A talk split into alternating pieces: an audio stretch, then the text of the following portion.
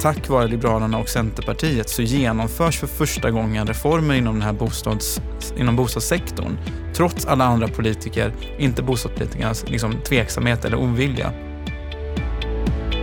Det räcker ju inte med, med januariavtalet och dess 73 punkter som ju i och för sig om man bryter ner dem i delmängder är 150 till 200 stycken enskilda politiska förslag som ska genomföras. Det räcker ju inte. Men, men det handlar ju också om att se till så att vi får en stabilitet i, i Sveriges utveckling och att inte landet gör sig beroende av ett eh, direkt inflytande från ytterlighetspartierna på vänstersidan och på den eh, konservativa högernationalistiska sidan. De var med och bildade januariöverenskommelsen för ett år sedan, men säger idag att den inte räcker för att skapa den stabilitet som bostadsmarknaden behöver. I en serie på fyra så träffar vi alla riksdagspartiers bostadspolitiska talespersoner för att höra hur de ser på läget just nu och vad de vill framåt. Och först ut är Ola Johansson från Centerpartiet tillsammans med Robert Hanna från Liberalerna. Två personer som menar att de har mer makt än självaste bostadsministern. Snart berättar de varför. Varmt välkommen till ytterligare en vecka, ytterligare ett spännande högaktuellt avsnitt med Bopolpodden. Jag heter Anna Bellman. Vi börjar Bopolpodden med veckans Aktuellt, vad som har hänt på den bostadspolitiska arenan veckan som har gått. Lennart Weiss, hur har veckan sett ut? Ja, det är ganska mycket stiltje i konungariket Sverige. Inte mycket, men det har kommit ett par grejer som ändå är intressanta. Bland annat så har undersökningsföretaget Novus på uppdrag av Stockholms handelskammare ställt bostadspolitiska frågor till 2000 hushåll. 2000 svenskar som ger rött kort till regeringen och samarbetspartierna när det gäller just bostadsfrågorna. Ja, det är ju inte så förvånande. Eh, det stämmer ju helt och hållet in med den bild som man har. Och att den här undersökningen görs över hela landet och ger rött kort, det tycker jag gör det hela extra intressant. Därför att eh, vi är ju vana vid att beskriva bostadsproblematiken som en kris för storstäderna.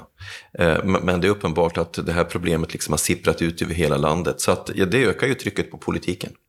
I den här artikeln så säger Daniela Waldfågel, som är näringspolitisk chef på Stockholms handelskammare, att den här bostadssituationen den borde prioriteras högt av politikerna. Gör den inte det? Nej, det gör den ju inte. Eh, och, och, och, det beror ju på två saker. För det första så är det ju ingen idag som, som, har, som ser bostadsfrågan som en del av ett större politiskt projekt om jag uttrycker mig så. Eh, och det har ju sina rötter i 90-talets avreglering där man trodde att marknadskrafterna skulle lösa bostadsfrågan själv. Eh, och, och, i den mån som man, man ser som bostadspolitiken är på agendan så är det som en byggfråga, att det ska byggas mer eh, framförallt i de regioner där vi har en stor befolkningsökning. Men där har ju politikerna så att säga famlat ganska länge och de gör ju det fortsatt. Men precis i dagarna, på tal om aktualiteter, så har ju då statsministern bjudit in till samtal. Jag ska själv delta i det där mötet den 19 februari, så det får vi anledning att återkomma till här. Men de frågor som man ställer då till oss som är inbjudna är ju väldigt byggrelaterade, så att jag ser liksom fortfarande ingen, ingen, inga konturer utav en bostadspolitik. Inget helhetsgrepp? Nej, inget, inget helhetsgrepp. Och det, och det är väldigt väldigt förbryllande för mig. Därför att jag menar det är två fundamentala saker som vi måste säkra i vårt liv. Vi måste bo och vi måste arbeta. Och vi pratar kolossalt mycket om, om, om arbete och sysselsättning och, och arbetsmarknadspolitik. Liksom. Men bostadsfrågan som ju, ja den är liksom grunden för ett ordnat liv i så många avseenden. Och den, den är så lätt att fylla med färg och innehåll och liksom blod. Det missar man. Det är, det är mycket märkligt. Och i fyra program nu så kommer vi träffa alla riksdagspartier, alla åtta. Och då får vi ta dem lite mer på pulsen och höra vad de tycker. Och du kommer kommentera mm. varje samtal. Vilket privilegium. ja, jag vet ju att du gillar. En annan sak som har hänt i veckan, det är en debattartikel i Expressen där Hyresgästföreningen verkligen får sig en känga att de inte ska vara en revolutionär sekt. Det spännande med det inlägget är ju att det är skrivet av en annan företrädare för Hyresgästföreningen. Så det här är ju en, en eh, konflikt inom föreningen. Jag har faktiskt väntat att ett sånt inlägg skulle komma därför att den här eh, skribenten sätter ju fingret på en sak som är en snackis i hela bostadssverige.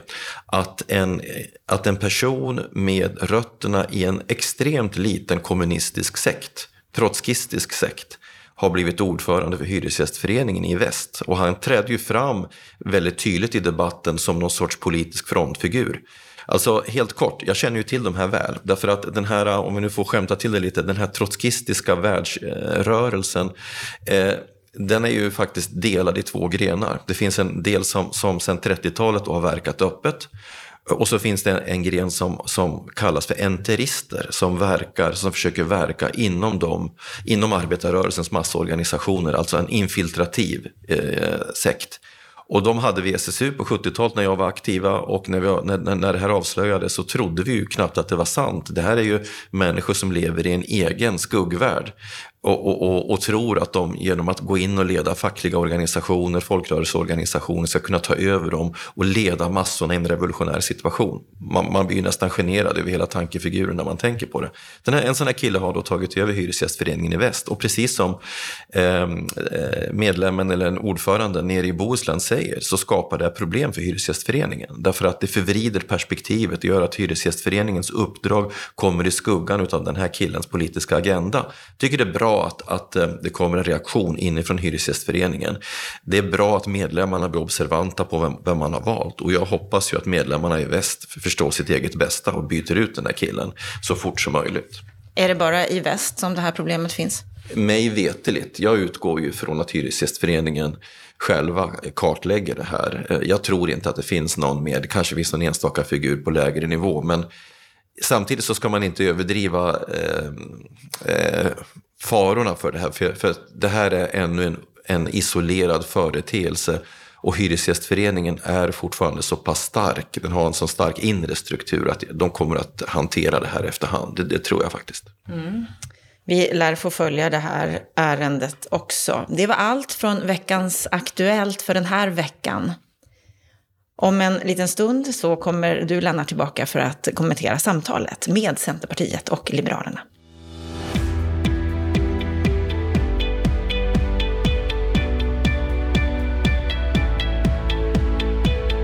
Det är nu ett år efter januariöverenskommelsen och bildandet av regering. Två och ett halvt år till nästa val. I en serie så kommer vi nu att samla partiernas bostadspolitiska talespersoner för att höra vad de tycker om läget på bostadsmarknaden just nu. Om de är nöjda med januariöverenskommelsen och vad som kommit ur den. Vilka problem de ser på bostadsmarknaden och vad de tänker göra åt det.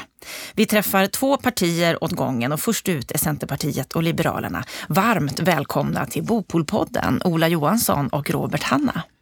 Tack så mycket. Tackar. Ola Johansson, bostadspolitisk talesperson för Centerpartiet. Andra gången här i Bopolpodden. Hur känns det? Ja, det känns ju bra. Det är lika svårt att hitta varje gång.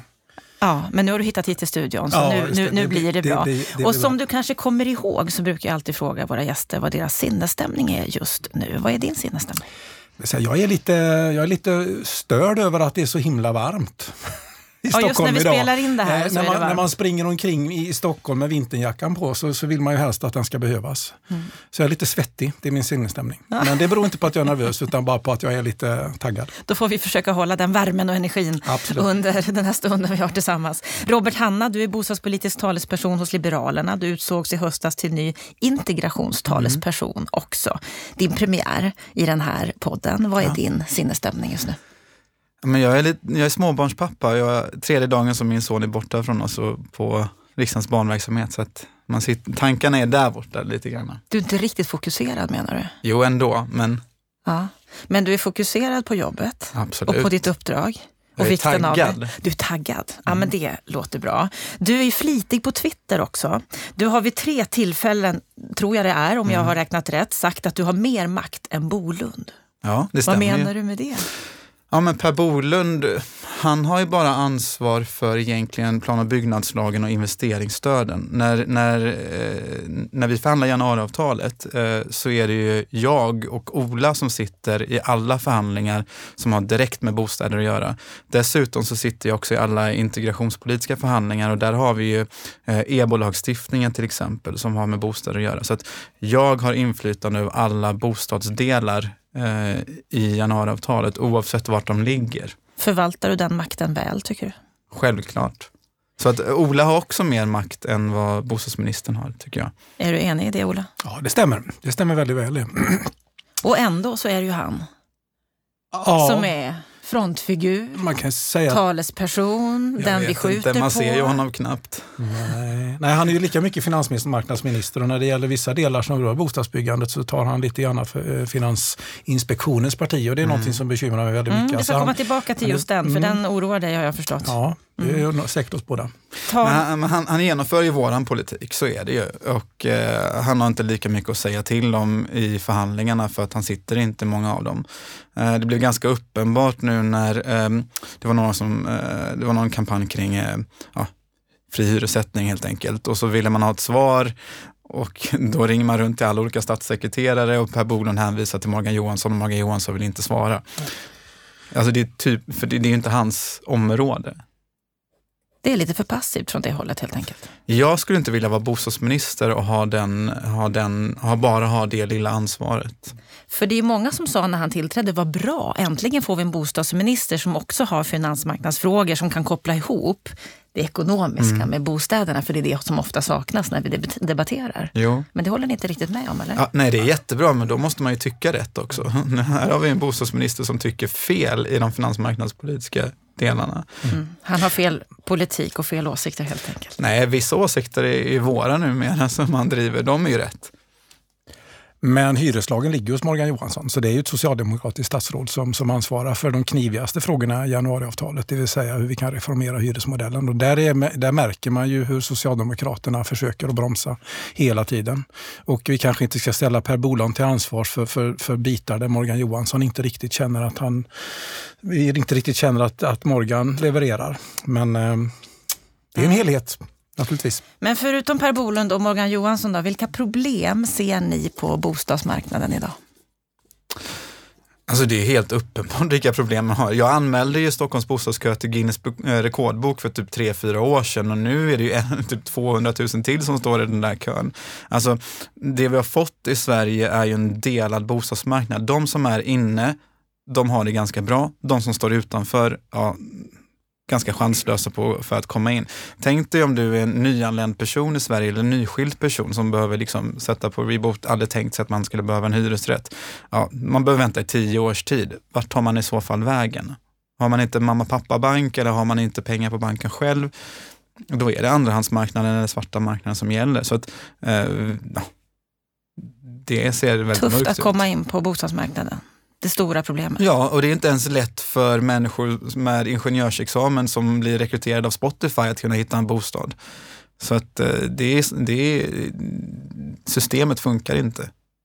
Vad ser du som det stora problemet, Ola? Jag håller med Robert om att det stora problemet är så många som har svårt att ta sig in på bostadsmarknaden. Och det skapar ett problem på arbetsmarknaden också. Alltså den, den, den följden av detta det blir att företag inte kan växa, expandera, rekrytera. Och människor kan inte möjligt att söka in på utbildning eller skaffa sig det jobb som man känner att man är utbildad till och vill ta. Så att det här ställer ju till mycket, mycket stora problem på, på i samhället som helhet. För drygt ett år sedan, den 11 januari 2019, så var era båda partier delaktiga i att ta fram januariöverenskommelsen tillsammans med Socialdemokraterna och Miljöpartiet. Jöken, januariavtalet, fyrpartiuppgörelsen, 73-punktsprogrammet. Ja, det har ju många namn, men det är ju samma innehåll ändå. Mm. Den här överenskommelsen som snabbt togs fram för att vi skulle kunna få till en regering. Och där står det tydligt när det rör just bostadsområdet att fler bostäder behövs för att underlätta för ungdomar att få sin första bostad, för människor att flytta dit jobben finns och för att bryta den växande boendesegregationen. Mm. Allt det här som ni har pekat på är ett av våra största problem. Det står också att bostadsmarknaden behöver reformeras så att fler människors behov kan mötas, reglerna förenklas och konkurrensen ökas. Och så finns ett antal punkter i det här som att reformera hyresmodellen, att ta bort flyttskatten, att genomföra omfattande regelförändringar, att göra om investeringsstöden för hyresrätter och att ställa krav vid byggande utifrån ett livscykelperspektiv när det gäller miljö bland annat. Vad säger ni om den här fantastiska överenskommelsen som ni var med och bildade? Är den tillräcklig för att lösa de här stora bostadsutmaningarna som vi har? Jag kan ju börja och säga att det är den ju naturligtvis inte alls. Eh, det finns ju mycket som saknas i den. Vi har inte egentligen en långsiktig lösning på hur vi kan finansiera bostadsbyggandet och hur vi på olika sätt kan underlätta för unga att på riktigt äga sin, sin bostad. Vi, det saknas ju intentioner om att eh, kunna bospara till exempel, som jag tror att är en väldigt viktig åtgärd. Vid sidan om att man tar bort amorteringskravet som vi kommer att prata om senare så tror jag att bosparande för unga är någonting som vi borde börja arbeta nu med. Och det som också saknas det är ju verkliga lösningar på den sociala bostadspolitiken. Det som underlättar för de som har allra svårast att ta sig in på bostadsmarknaden och som knappt ens har en möjlighet att få ställa sig i bostadskön. Där har vi en stor utmaning som vi behöver ta tag i. Och den diskussionen har inte ens startat ännu. Men ni var ändå delaktiga. Ni sa ja till det här. Men alltså, jag kan säga, jag var ju en av de som inte ville ingå i januariavtalet. Och jag kan väl säga att det berodde inte på det som stod om bostadsdelen. Utan eh, där var jag väldigt glad att Centern till att börja med sa nej till decemberförslaget. Eh, För den i januari är mycket mer långtgående som kom fram. Eh, inom bostadspolitiken så är inte problemet bostadspolitikerna, utan problemet är alla andra politiker som inte förstår allvaret i den bostadskris vi har i Sverige. Det här som vi ser nu i januariavtalet är nog, jag menar på, den största förändringen i bostadsmarknaden på liksom, decennier. Eh, och det är det första steget som vi tar nu med de här förändringarna, med de här liberaliseringarna. Det kommer behövas göra mycket mer i exakt den riktning som eh, Ola nämner. Så att det man ändå ska säga är att tack vare Liberalerna och Centerpartiet så genomförs för första gången reformer inom den här bostads, inom bostadssektorn. Trots alla andra politiker, inte bostadspolitikernas liksom, tveksamhet eller ovilja. Inte kanske ovilja, men ointresse. Eh, det är egentligen det största problemet med bostadspolitiken. Folk fattar inte hur viktig den är, särskilt inte liksom de andra politikerna. Vi pratar om Twitter. Alltså, skriver någonting om bostadspolitik, väldigt få delningar, väldigt få gilla-markeringar. Skriver något om integration så kan det liksom bli tusen delningar. Att, och ändå är ju boendet någonting som berör oss alla. Ja. Vi kan ju som inte komma ifrån det, vi behöver ju någonstans att bo. Mm. Eh, när jag berättade för eh, en annan person här att jag hade bjudit in er så fick jag kommentaren att jaha, då får du prata med två av de medskyldiga till att vi har den usla agenda som vi har idag i Sverige. Men ni håller inte med om det? Det är en bra agenda. Nej, men det, är ju, det är ju tufft uttalande förstås, men, men det är klart som, som Robert och jag är inne på så det räcker ju inte med, med januariavtalet och dess 73 punkter som ju i och för sig om man bryter ner dem i delmängder är 150 till 200 stycken enskilda politiska förslag som ska genomföras. Det räcker ju inte, men, men det handlar ju också om att se till så att vi får en stabilitet i, i Sveriges utveckling och att inte landet gör sig beroende av ett, ett, ett direkt inflytande från ytterlighetspartierna på vänstersidan och på den eh, konservativa högernationalistiska sidan. Utan att vi kan ha ett, ett, en mittenfåra i svensk politik där liberala reformer kan genomföras utav en socialdemokratisk regering. Eh, men där Centerpartiet och Liberalerna har betydande inflytande. Sist du var här, Ola, det var i maj förra året, så erkände du att ni har inte varit tillräckligt offensiva från borgerligt håll för att driva igenom bostadsfrågorna. Tycker du att ni har blivit mer på alerten sedan dess? Ja, det fanns ju inget jättestort intresse från eh, tidigare alliansregeringars sida att genomföra de här reformerna på hyresområdet som nu eh, är tre av punkterna i januariavtalet. Eh, det fanns ingen, ingen vilja eller förmåga att utmana de starka intressena som Hyresgästföreningen och hela den socialdemokratiska etablissemanget har stått för när det gäller att vara motståndare till förändringar både utav arbetsmarknaden och även utav bostadsmarknaden. Nu har vi lyckats. Men vad är det ni konkret levererar då? Ifrån det ni har kommit överens om? Vi vet att nu ska det bli lättare att bygga altaner, men utöver det, vad massor. är det ni konkret alltså, levererar Man kan på? vara väldigt krass och säga att det här är första gången vi faktiskt gör saker och ting på riktigt, sen jag blev politiker i vart fall. Alltså nu med investeringsstödet så förbättrar Liberalerna Alliansen den. Vi ser till så att fler bostäder går till socialt utsatta grupper. Vi ser till så att de blir mer effektiva och träffar rätt ekonomiskt, så att de blir mer, eh, de är bättre helt enkelt. Vi ser till nu så att vi får eh, fri hyressättning. Det kommer göra att fler hyresrätter kommer byggas i relation till bostadsrätter. Det kommer göra att Spotify och andra företag kommer vilja och kunna investera i Sverige för deras, deras anställda kommer ha någonstans att ta vägen. Det kommer innebära en nödvändig liberalisering av bostadsmarknaden som alla internationella institut, svenska forskare säger och efterfrågar. Så det vi levererar är den bostadspolitik som Sverige behöver, men inte i alla områden. Så att vi kom... Inte tillräckligt? Nej, ingenting är tillräckligt egentligen. Alltså, eh, så är det ju. Jag menar ju på att inom bostadspolitiken så har vänsterpartierna, de till vänster om, om Liberalerna och Centern, haft en övertro på den generella bostadspolitiken och haft en övertro på hyresmarknaden, att det är den som är lösningen till allting. Inom borgerligheten så har, haft, har vi haft en övertro på att, bi, eh, på att bidrag är, bostadsbidrag är lösningen till utsatta grupper, men de kommer inte ens in i bostäderna. Och sen har vi haft en övertro på att marknaden kan lösa allting. Vi behöver eh, troligtvis båda sidor se över och reformera vår bostadspolitik så att den faktiskt på riktigt hjälper. Men jag menar ändå, och jag var motståndare till januariavtalet, att de här bostadsdelarna som vi ser är otroligt bra för Sverige och de, ett, första, ett första viktigt steg. Vi kan inte göra allting på ett svep. Man kan inte förändra en hel bostadsmarknad på ett svep. Jag hoppas ju att nästa regering som tillträder efter de här reformerna kommer fortsätta i den här banan. Kommer allt att genomföras? Det som står i avtalet kommer genomföras.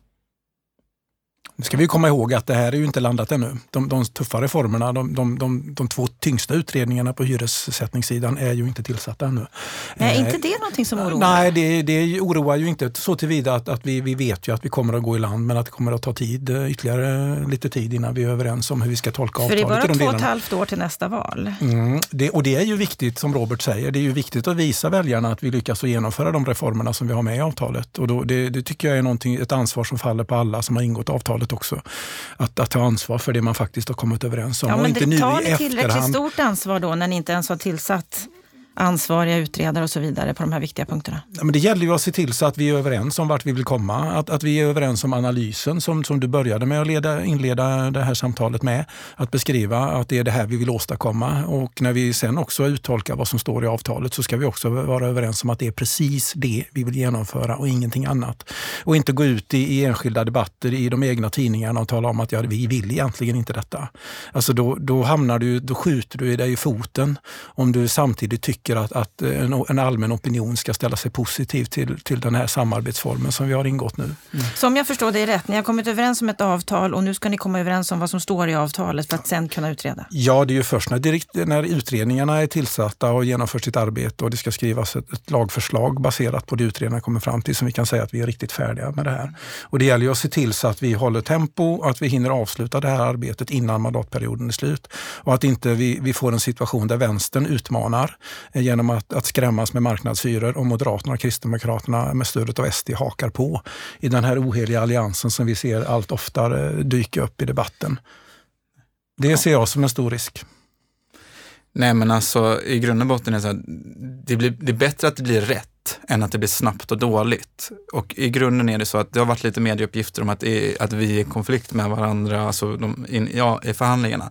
Jag menar nog på att för, konflikten i så fall är inom S, alltså inte i förhandlingsbordet. Men jag vill hellre att det blir ett bra underlag som skickas in till en utredare än ett snabbt och dåligt underlag. Så jag är inte överhuvudtaget stressad.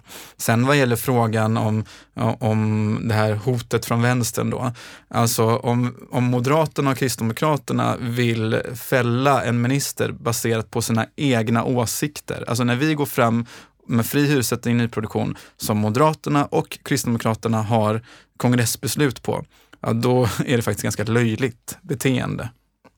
Hade det varit enklare för er att driva igenom detta om det hade varit en alliansregering? Nej. Nej, så är det. Alltså, vi, vi, vi, diskuterar utifrån en, en bildsättning som innebär att bostadspolitiken väldigt sällan diskuteras i en valrörelse och det finns ju ett skäl till det. Skälet är ju att, att när du vill genomföra en reform så finns det alltid en folkopinion som kan, som kan bygga upp en, en opinion som är fientlig mot det utifrån att skrämmas med att det kommer att, att skada stora grupper på bostadsmarknaden, vilket ju inte är sant. För syftet med det är ju att skapa bättre bostadsmöjligheter för fler. Men det, är också, det gör ju också att, att det blir en tveksamhet hos eh, ledande politiker i en del konstellationer att driva fram de här förslagen. Man talar hellre om annat. Ja, men alltså rent krasst, ville allianspartierna egentligen genomföra det här? Ja. Valde man att göra det? Nej. Varför valde man att inte göra det? Man var rädd för opinionen. Så att det är klart att när Socialdemokraterna genomför eh, liberala reformen av bostadsmarknaden så ska inte vi andra här vara missnöjda. Vi ska vara glada för det. Det går att genomföra många saker i, i det här läget vi är menar ni? Mm. Ja, då. Eh, en sak som vi redan har varit inne och nosat lite på, ett område som vi har pratat otroligt mycket om i den här podden under förra året, det är ju detta med kreditrestriktionerna mm. som ju är svåra i det här stora problemet som ni har målat upp när det gäller vår bostadsmarknad idag. Att det är svårt att ta sig in på bostadsmarknaden, att kreditrestriktionerna är för höga. Och i en interpellationsdebatt här innan jul, Ola, så gick du upp mot Per Bolund, dött lopp. Jag vann. Eller? Ja, det är en tolkningsfråga där. Han lyfter ju fram i den här debatten hur otroligt mycket mer som byggs idag än när det var en alliansregering. Du ville få honom att känna att det här med kreditrestriktionerna, det borde vi lätta på, men där vill han inte ge med sig.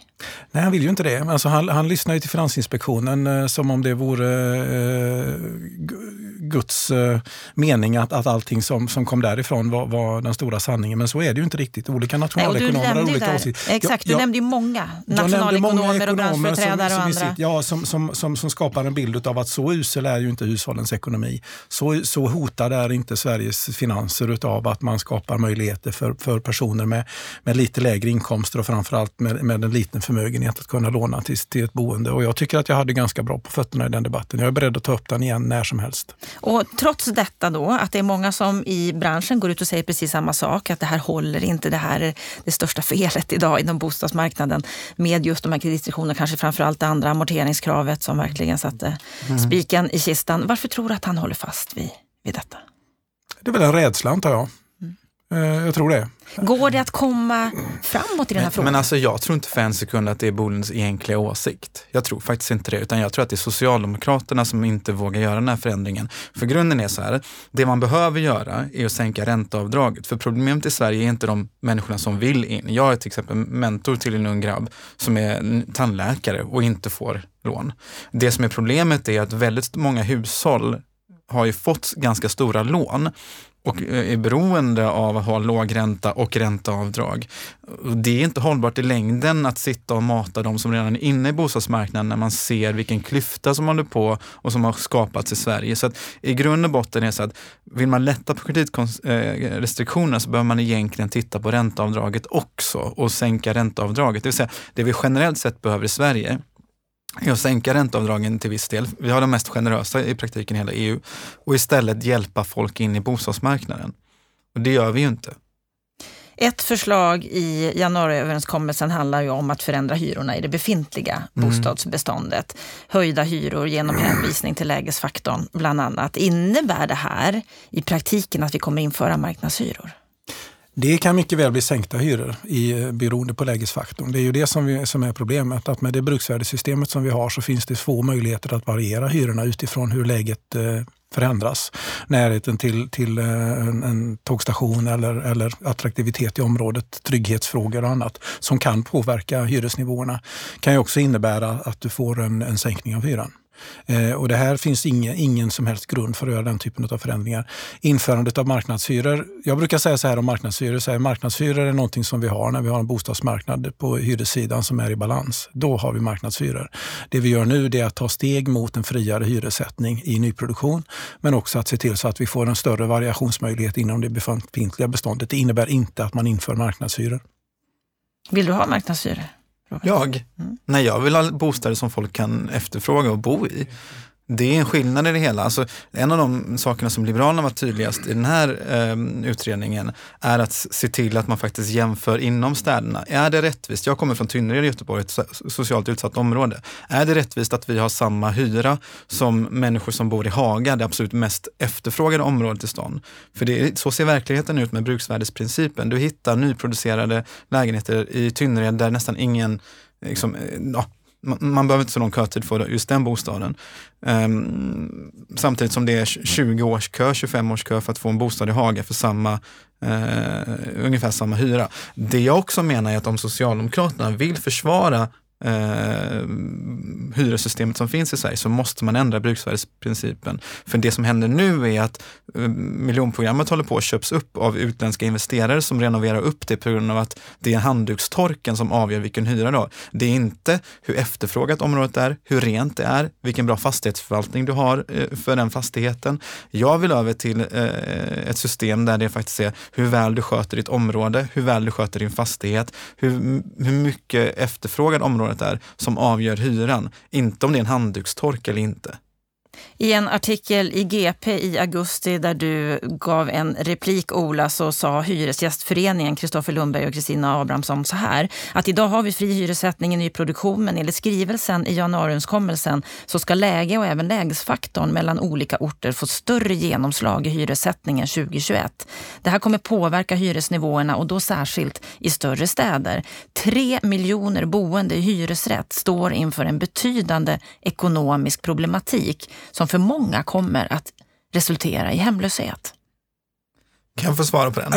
Ja, det är ren hittepå. Ja. Den, absoluta, den absoluta majoriteten av svenskarna bor inte i en trea i innerstad i Stockholm, vilket är den rapporten som det här bygger på. Det stämmer liksom inte den, den faktan som man eh, går fram med. Eh, och det är dessutom så att Hyresgästföreningen själva har sagt att man vill ha differentierade hyror. Eh, där de mest efterfrågade områdena ska ha högre hyresutveckling än de minst efterfrågade områdena. Vill vi inte ha socialt utsatta områden i framtiden så måste man ha den här differentieringen. Mm, du var väldigt tydlig i din replik också Ola. Du utbrast, det är inte sant. Nej, Utan vad som sker är att fler hyresgäster frigörs med ökad rörlighet. Så vi behöver inte vara rädda för det här menar ni?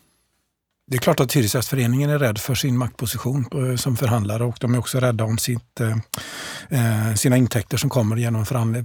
Genom, Så det kommer inte bli dyrare för hyresgästerna?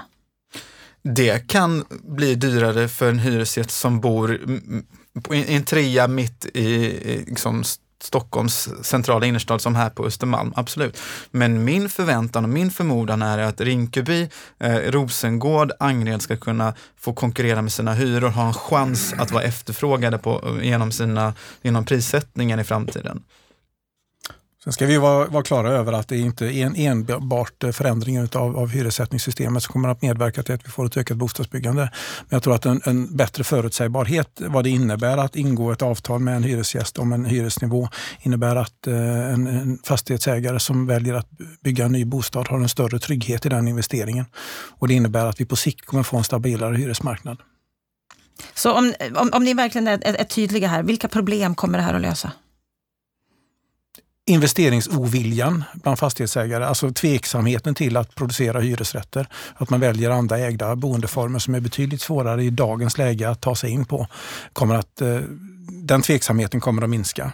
Eh, vi kommer att få en ökad rörlighet som följer av det som Robert säger, att, att vissa grupper då, som har varit väldigt gynnade på bostadsmarknaden tidigare utifrån att man har suttit med, med låga hyresnivåer i väldigt, väldigt attraktiva lägen får anledning att fundera över om det är rätt boendeform och att dessa bostäderna frigörs. Det är en effekt.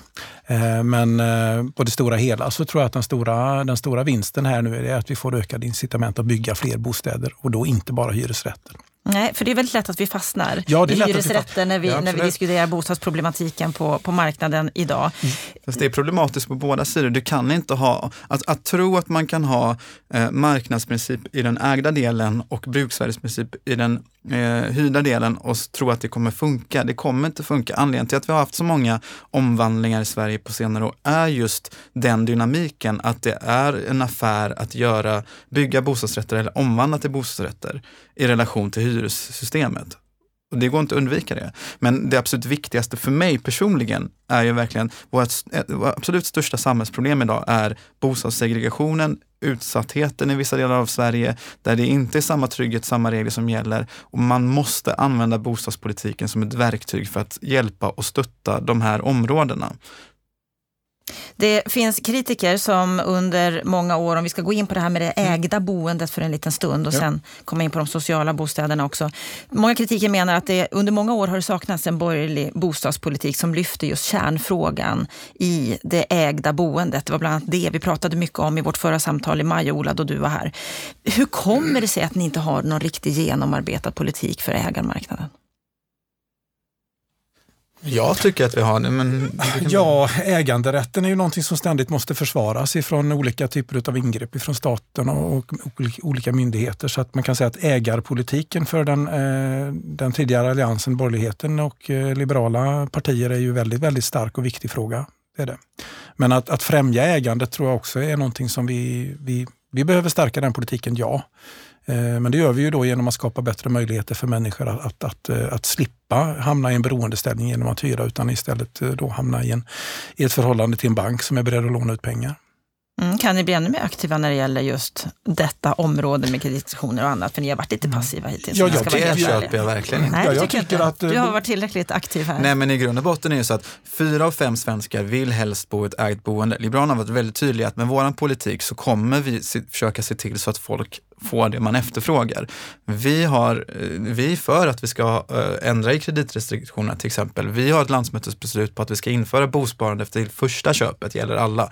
Eh, Vi har liksom under hela, hela vår politik är ju inriktad till att bygga de typerna av bostäder som folk faktiskt vill bo i.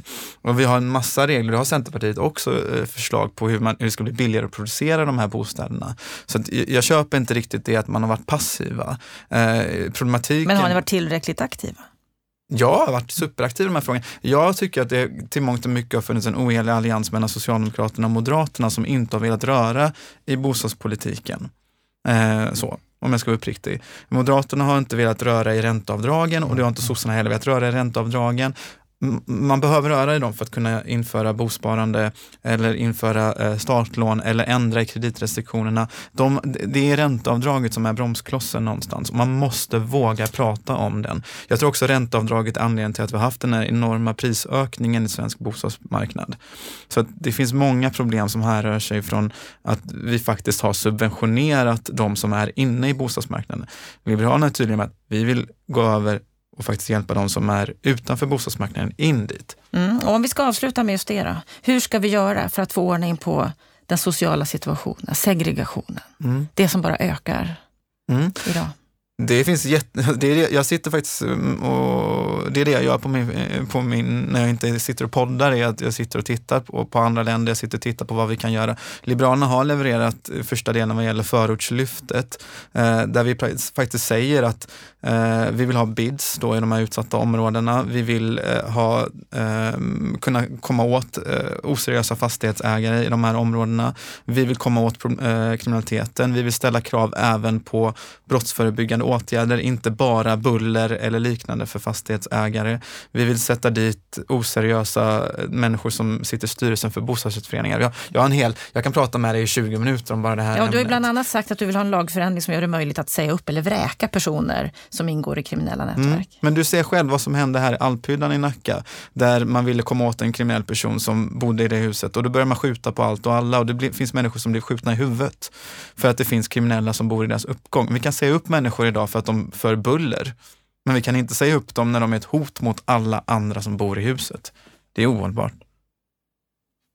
Ja, Jag är enig med Robert. Många av de förslagen som han för fram är ju sådana som vi också talar om. Alltså vi skapar bättre möjligheter för, kanske inte genom ekonomiska bidrag, men olika former av, av, av förmånliga lån för fastighetsägare som till exempel vill göra investeringar som lyfter ett bostadsområde. kan vara ett, ett sätt att komma vidare. Eh, när du nämner det här med att kunna vräka oseriösa hyresgäster eller kriminella hyresgäster så har vi ju en del eh, bostadsrättsföreningar som idag har tagits över av kriminella typer, framförallt i Malmö. Och vi måste förändra lagstiftningen så att det är möjligt att komma åt Eh, den typen av, av ren stöld av människors egendom eh, där man inte har några som helst rättigheter. Eh, det är den ena biten. Sen behöver vi också fundera över hur vi på olika sätt kan skapa positiva incitament för eh, fastighetsägare att kunna upplåta bostäder för sociala ändamål inom sitt bestånd. Och där tycker jag att en viktig framgång som vi hade när vi nu släppte fram det nya investeringsstödet, du nämnde det tidigare Robert, det är att, att fastighetsägare som söker bidrag för att bygga hyresrätter måste kunna eh, visa upp att man eh, lämnar ut eh, 12,5 procent av sitt eh, utav det aktuella beståndet för sociala ändamål om det finns ett sådant behov. Det tycker jag är en viktig bit. En annan viktig bit är att det inte längre ställs krav för att få stödet att man har en befolkningstillväxt. Det innebär att kommuner som har en liten befolkningstillväxt som helhet men har ett behov av en viss typ av bostäder på en viss ort också har möjlighet att söka stödet. Det är viktigt för hela landet. Och tittar vi på vad som är viktigt för människor som bor så är trygghet Jo, i såklart. topp. Jag, kom, jag är delvis uppvuxen i Gårdsten som nu är borttagen från listan på socialt utsatta, särskilt utsatta områden. Och det är trygghet som är nummer ett, nummer två, nummer tre i åtgärder för att vända på utvecklingen. Men jag menar på att vi måste generellt sett börja titta på bostadspolitiken när det kommer till integration. Att tro att människor ska lyckas om alla som kommer till Sverige bor i felbyggda miljonprogramsområden, 100% hyresrätter, går i samma skolor, väldigt många inte lyckas med sin integration och sen då ja, helt enkelt människor som har helt andra värderingar än vad demokratiska värderingar är, tar över ett område och andra generationen svenskar lockas in i kriminalitet av de här människorna. Vi måste få en bättre social mix i Sverige. Vi kan inte ha alla utsatta grupper boendes i samma områden i våra storstäders, eller större städers eh, utkanter. Det är ohållbart. Vi måste se till att ändra i bostadspolitiken. Jag är öppen för, jag sitter och tittar väldigt noga nu på social housing som ett eh, exempel. Det finns goda exempel för det i olika delar av, av, av Europa, modern social housing. Jag tycker att vi som politiker har ett ansvar att vända på alla stenar som vi har nu. Den största, den största bostadsproblemet som vi har i Sverige idag är egentligen de utsatta områdena och den otrygghet som människor som lever i dem har. Nu är det två och ett halvt år mm. till nästa val. Vi har stora utmaningar för att få ihop vårt land, för att få ihop boendesituationen, för att få ihop bostadsmarknaden om två och ett halvt år när vi går till val. Vad har hänt tills dess? Vi har ju lagt grunden för fortsatta reformer kan man säga. Vi har gjort, låst upp eh, några av de, de tuffaste eh, låsningarna i politiken när det gäller skattefrågan. Du nämnde ränteavdraget. Vi har, vi har genomfört skattesamtal eh, som inte jag vill föregripa här, men där vi sänker flyttskatterna, där vi, vi ser över fastighetsskatten och där vi tar bort eh, ränteavdraget i den formen som vi har eller trappar ner det. Det är en viktig grund för att skapa goda förutsättningar för en bra eh, skattepolitik. Eh, det vi har gjort är att vi har dyrkat upp hyresmarknaden eh, på två, tre sätt. Vi har eh, fått ett, en oberoende tvistelösning inom förhandlingssystemet. Vi har ett ökad variation av hyrorna på grund av läge och vi har en etablerad modell med fri hyressättning i nyproduktion. Det innebär att vi har skapat helt andra förutsättningar för en, en trygghet i både att äga sin bostad men också äga fastigheter för att hyra ut dem. Håller du med om den bilden, Robert? Ja, absolut. Och dessutom så tror jag att de politiska partierna på allvar kommer att ha tagit fram lösningar eller förslag inom liksom, eh, ja, utsatta områden, social bostadspolitik, de som står längre bort. Nu kommer Liberalerna och Centern vara anledning till att vi har löst upp många knutar i, i, i liksom för andra segment. Eh, och det kommer ge rullningseffekt vad gäller eh, den sociala bostadspolitiken. Så att man har Liberalerna och Centern att tacka för det. Att det på riktigt blir ett allvarligt samtal kring eh, att människor faktiskt ska ha rätt till sin bostad. Det är en social rättighet. Kommer hemlösheten att ha minskat? Inte än tror jag. Faktiskt inte, för vi har inte en politik för det än. Men, men det är också någonting som jag sitter och tittar på eh, väldigt allvarligt. Det kostar 5,1 miljarder per år för oss. Alltså skattebetalarna. Det är mycket pengar. Ja. Mm. Vi kan kommer, göra bättre kommer saker för dem. Det är det vi som kan göra absolut bättre saker för dem. Om två och ett halvt år kommer det vara lättare för unga socialt svaga att ta sig in på bostadsmarknaden. Mm, det kommer det vara. Det kommer det att vara för att vi också eh, parallellt med detta får fram eh, billigare lösningar för hur man bygger bostäder. Regelförenklingar som innebär att du kan bygga på ett mer eh, ska man säga, vad heter det, industriellt sätt, kan få fram bostäder. Och kanske att man ser över standarder och, och eh, krav på en del av studentbostäderna också. Mm. Och en lite annorlunda fråga, men som är viktig i sammanhanget. Det sägs att det är oroligheter inom Liberalerna. Kommer Liberalerna att vara ett enat parti om två och ett halvt år så att de tar sig över spärren? Det är en självklarhet att vi kommer vara det. Men sen var vi kommer stå, vad vi kommer göra, det, det vet jag inte. Men att Liberalerna kommer lämna besked i god tid innan nästa val. Min åsikt är ändå eh, ganska stark att man kan inte låtsas som att det finns sex partier i Sveriges riksdag. Det finns åtta partier i Sveriges riksdag.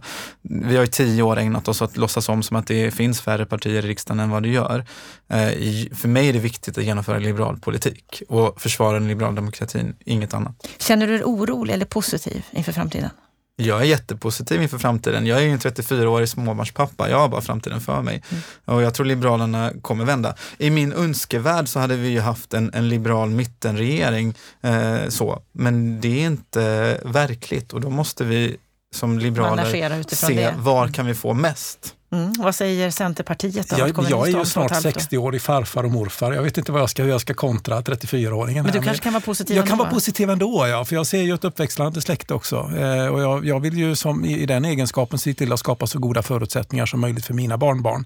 Eh, men då har vi ju andra problem att ta tag i. Klimatförändringarna, eh, trygghetsfrågorna, mm, mycket, kriminaliteten. Mycket att om, många fler poddar att, att, göra. Att gå i skolan och skapa bra jobb. Och när vi pratar om, om, om eh, hemlöshet så är ju social problematik också en fråga om psykisk ohälsa ohälsa. Mm. Så det finns väldigt många dimensioner i detta med hemlöshet. Men är du positiv eller orolig inför framtiden? Jag är jättepositiv. Mm. Men jag är orolig jag. för andra saker. Men det här som Robert och jag sysslar med, det ska vi lösa.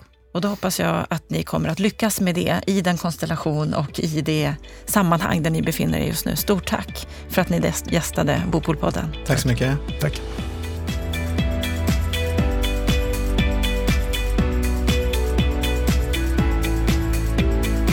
Ja, då har vi hört ett engagerat, livfullt samtal från Ola Johansson och Robert Hanna. Vad säger du om det här samtalet, Lennart Weiss? Ja, men jag är ju lite upplivad. Alltså. Jag, jag tycker att det blev ett härligt eh, samtal, energifyllt.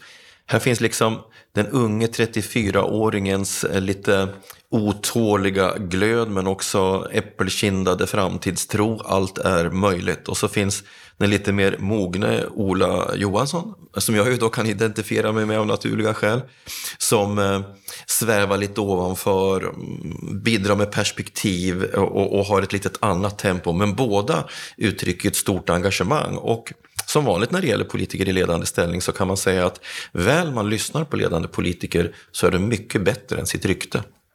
De är ju otroligt tydliga och kritiska till Bolund och menar att de har större makt än vad han har. Håller du med om det? Ja, men det, det är ett lite sånt där medvetet nålstick. Jag tror att det är också ett sätt att, att retas. Men de har inte helt fel heller, därför att är man riksdagsledamot och talesperson för ett politikområde som de här två gentlemännen är, då har man ju på ett sätt en bredare agenda. Man behöver inte ta hänsyn på samma sätt. Ehm, å andra sidan så finns det ju också en svaghet ehm, i, i deras plattform. De har ett bostadspolitiskt ansvar. Och då är det upp till partierna själva att definiera vad de menar med bostadspolitik. Sitter man i civilutskottet som båda gör, då har man egentligen samma smala mandat som Bolund. Det är plan och bygglagsrelaterade frågor. Och alla vet ju att bostadsfrågan är finansiell, den är legal, den har att göra med samspel stat, kommun, marknad, politik.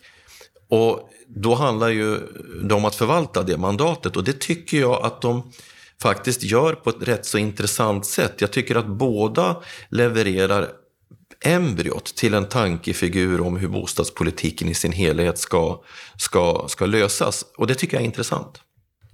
De eh, gick ju in i överenskommelsen, Centerpartiet och Liberalerna, utan att för den sakens skull sitta i regeringen. De menar båda att den inte på långa vägar är tillräcklig för att lösa de problem vi ser på bostadsmarknaden idag, men att de kommer att klara av massor under den här mandatperioden. Hur ser du på den analysen? Ja, den optimismen ska man ju representera när man är i deras roll. Jag, jag tror att de är för optimistiska, men, men jag gillar deras optimism eh, och, och, och eh, ska säga, tillit till att de kommer att kunna åstadkomma resultat. De pekar ju ut, du, du frågar ju avslutningsvis vad de tror ska vara uträttat om två år och då pekar de ut ganska många saker som förändringar på skatteområdet, att förhandlingssystemet ska reformeras, att utsatta områden, att man ska börja bryta upp strukturerna där.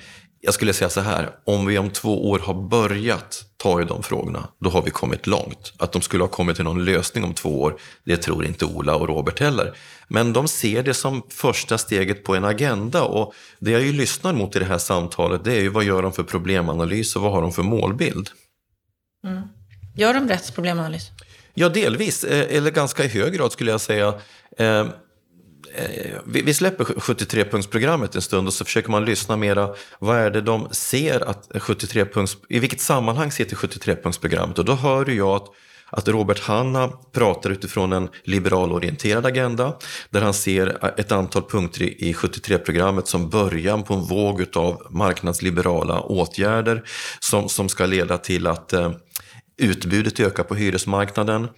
Han jag hör också att han mellan raderna säger att det måste mötas av en annan hyresmarknad, det vill säga en social housing-konstruktion som man har i kontinentaleuropa. Så att eh, eh, de som är mer resurssvaga eh, har tillgång till, till hyresmarknaden. Det är intressant. Jag delar ju inte själv den uppfattningen, men jag tycker det är intressant därför att då börjar man ju förstå konsekvenserna av de steg man har tagit. Då tänker jag att då bör ju nästa steg vara att man presenterar någon form av ekonomisk analys för hur det där ska gå till. Därför att vi som har studerat social housing vet ju att det är svindyrt. Jag, jag har ju själv räknat på vad det skulle kosta att producera 30 000 bostäder till samma hyra som Wien och det kostar om du ska subventionera fram en sån hyra via produktionskostnaden så kostar det närmare 50 miljarder per år. Ehm, för 30 000 då. Va? Och, och den notan tror inte jag att det politiska systemet är redo för. Om vi sen tar ägarmarknaden så eh, menar ju båda två att det måste vidtas åtgärder för att den ska breddas för fler. Och på den här punkten så har jag ju själv varit förvånad över att de borgerliga partierna inte har kommit längre när det gäller att formulera en politik för en social bostadsägarmarknad. Där hör jag ju att Ola har tänkt lite mer. Han, han pratar om bosparande, lån. Eh, där finns ju egna hemsrörelsetanken djupt förankrad i, i centertraditionen. Han vill att fler ska kunna, liksom, kunna äga sina bostäder och, och få en fast grund för sitt liv. Eh, jag hör att Robert resonerar i samma riktning men har ju en väldigt stor tilltro till att fortsatta avregleringar och förändringar av skatter ska öppna för det där. Det är, det är en intressant tankefigur att man skulle kunna få en öppna eh, debatten om åtgärder för att stötta eh, hushåll som inte har ett större sparande genom att ge sig på ränteavdragen. Men där gäller det ju att man tänker till. Det är ju en punkt där jag kanske tycker att resonemanget är ogenomtänkt. Därför att om man eh, tänker sig att vi ska dra ner ränteavdragen, då kommer det också att påverka eh, vår syn på kapitalbeskattningen. Vare sig du eller jag, Anna, skulle ju vara beredda att acceptera att man drar ner på ränteavdragen om man inte också ger sig på kapitalbeskattningen. Och då betyder ju det att de hushåll som har kapital kommer få en ännu starkare ställning än idag. Så att där måste man ta analysen ett steg till menar jag. Då måste man i så fall föra in frågan om fastighetsbeskattningen och sådana här saker då som borgerliga partier traditionellt sett är väldigt bekymrade över. Men han har säkert inte helt fel i Robert att man måste koppla ihop saker på olika sätt. Så att jag tycker att jämfört med vad jag har hört tidigare ifrån både Robert och Ola så har eh, det intellektuella arbetet ändå tagit tanken ett steg längre än tidigare. Eh, och det gör mig ju ändå glad därför att oavsett i vilken riktning man tänker så, så är det nödvändigt att man konkretiserar sig. Därför att utan konkretisering så kommer man inte att kunna påverka det som är deras viktigaste motparter internt, de ekonomisk-politiska talespersonerna. Alltså bostadsfrågan måste integreras i, i den större politiken. Och här finns en början. Så att jag måste säga att jag är eh, positiv till samtalet. Oavsett vad jag tycker själv, för det får man ju hoppa över sådana här gånger. Va? Så är jag eh, positiv över att jag tycker att eh, jag, jag, jag, tycker att ramverket har blivit tydligare, det har fler beståndsdelar, det börjar bli större konsekvens. Även om det fattas en, ett antal pusselbitar så, så är det början på en större helhet. Kan deras engagemang och deras framgång nu då i deras struktur och tankesätt bidra till att de tar positioner inför nästa val? Du menar som partier? Ja, det ska man inte utesluta. Alltså bostadsfrågan tror jag har en potential att på marginalen vara en valvinnare. Jag menar, om du ser på det här historiskt så var bostadsfrågan en del av folkhemstanken. Sen den gick i graven i början på 90-talet så är det ju ingen som har tänkt en sån här större tanke om hur samhället ska utvecklas. Och det skulle jag väl säga är en av det politiska systemets största utmaningar framåt för att bibehålla liksom sin, sin, sin, eh, sin eh, kraft som ett eh, centrum för människors tänkande och tilltro till, till det politiska systemet och så vidare. Så att kan man göra det? Man liksom kan koppla bostadsfrågan till människors drömmar om sitt eget liv, som Robert på något vis avslutar med, så tror jag att den på marginalen kan vara en valvinnare. Och det är ju möjligt att eh, de här två partierna då har den ambitionen. Jag skulle vara glad om de klev fram med den ambitionen, för det skulle tvinga andra partier att göra något motsvarande. Mm, vi får se om det blir så. Det ser vi om två och ett halvt år. Redan om en vecka så kommer du tillbaka, Lennart, och kommenterar nästa veckas politikersamtal. Då träffar vi Sverigedemokraterna och Vänsterpartiet. Och det kan jag avslöja, det blev ett något annorlunda samtal. Det var allt vi hade från Bopolpodden för den här veckan. Jag hoppas att du gillar det du hör och då får du gärna sprida den här podden till fler. Om du vill komma i kontakt med oss så gör du det på podd.bostadspolitik.se. Stort tack för att du är med oss och lyssnar. Ha en riktigt skön helg.